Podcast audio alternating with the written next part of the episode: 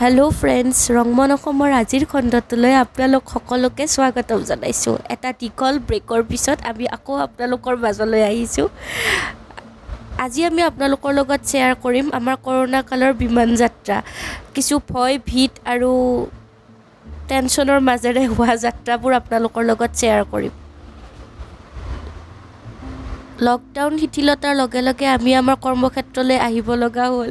তাৰ কাৰণে ভয় ভীতেদি হ'লেও দিল্লীলৈ আমি ৰাওনা হ'লোঁ। তাৰ আগতে গুৱাহাটী বিমানবন্দৰত হোৱা অভিজ্ঞতাবোৰ কিছু ভয় লগাও আৰু ভাল লগাটো এইখিনি সময়ত নাই নিশ্চয় ভয় লগাই হ'ব। সোমোৱাৰ লগে লগে আমাৰ মাস্কিং খুলি কিনে আমাক সকলোৱে আমাৰ ফেচ ডিটেকশ্যন কৰিলে। মাস্ক খোলাৰ সময়তো এটা যেনিবা ভয় যেন কৰোণা ক'ৰবাত সোমাই গ'ল। তাৰ পাছত আমি গ'লোঁ কিউ কৰিবলৈ? তাতে চেকিং হ'ল। চেকিঙত গোটেই বস্তুবোৰ ৱেব চেকিং আমি আগতে কৰি থ'লোঁ সেইকাৰণে আমাৰ বেছি টাইম নালাগিল। বস্তুখিনি চেক কৰাৰ পিছত আমাক ভিতৰত গেটত সোমাব দিলে।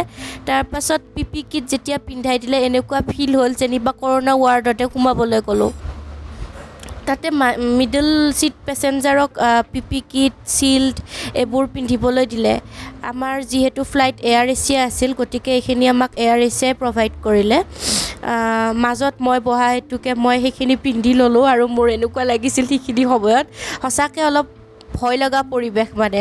যেনিবা মই ক'ভিড ৱাৰিয়ৰ হয় আৰু মই ক'ৰবাত ক'ভিড ৱাৰ্ডতে যাবলৈ ওলাইছোঁ।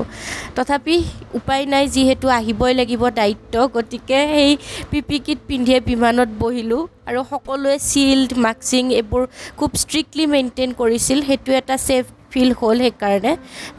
আৰু এয়াৰ এছিয়াৰ যিখিনি ষ্টাফ আছিল তাতে তেওঁলোকেও বহুত ভালকৈ আমাক হেল্প কৰিলে গাইড কৰিলে কেনেকৈ ছেফলি আমি আহিব পাৰোঁ। ক'ভিডৰ কাৰণে ফ্লাইটত কফি খোৱাৰ হেবিট এটা থাকিলেও সেইটো খোৱা নহ'ল বাৰু এইবাৰ। যিহেতু কৰোণা প্ৰট'কল লগতে মাস্ক খুলিবলৈও ভয়। তথাপি বাৰু আহি আহি আমি ইন্দিৰা গান্ধী এয়াৰপৰ্ট পালোঁ। এতিয়া চব টাৰ্মিনেল থ্ৰীতেই এৰাইভেল হয় বাকী টাৰ্মিনেলবোৰ বন্ধ কৰি দিছে ডমেষ্টিক ফ্লাইটৰ কাৰণে। তাতেও সেই একেই কথা নামিলোঁ মাস্কিং চেনিটাইজাৰ প্ৰট'কল মানি তাতে ক'ভিড টেষ্টিঙৰো ব্যৱস্থা আছে।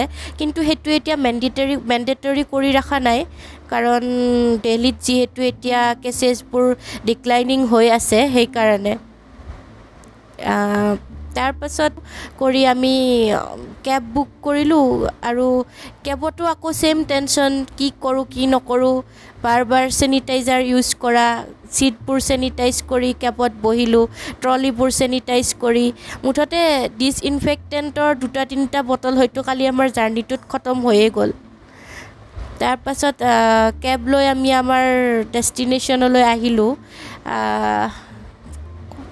নয়দালৈ আহিও ফ্লেটত এপাৰ্টমেণ্টত ছেইম টেনশ্যন ছ'চাইটিত কি ৰুল কি ৰুল নাই এণ্ট্ৰিৰ কাৰণে তাৰ কাৰণে আমি কনফাৰ্মেশ্যন ল'লোঁ ডিক্লেৰেশ্যন দিলোঁ সেইখিনি অথৰিটিক জনাই যেনিবা আমাক আমাৰ ঘৰত সোমাব দিলে। আৰু বহুত দিন পিছত দুই মাহ বিৰতিত আমি আকৌ আমাৰ কৰ্মস্থানলৈ উভতি আহিলোঁ। অসমৰ সেই গাঁৱৰ সহজ সৰল পৰিৱেশৰ পৰা আকৌ মেট্ৰ' জীৱন আৰম্ভ। তেন্তে ফ্ৰেণ্ডছ আজিলৈ ইমানেই। এই কৰোণাৰ ভয় ভীতৰ যাত্ৰাৰ কথা আপোনালোকৰ লগত শ্বেয়াৰ কৰিলোঁ। আশা কৰোঁ আপোনালোকে ভাল পাব। আগলৈ আকৌ এটা নতুন এপিছ'ড লৈ অহাৰ প্ৰতিশ্ৰুতিৰে আজিলৈ বা বাই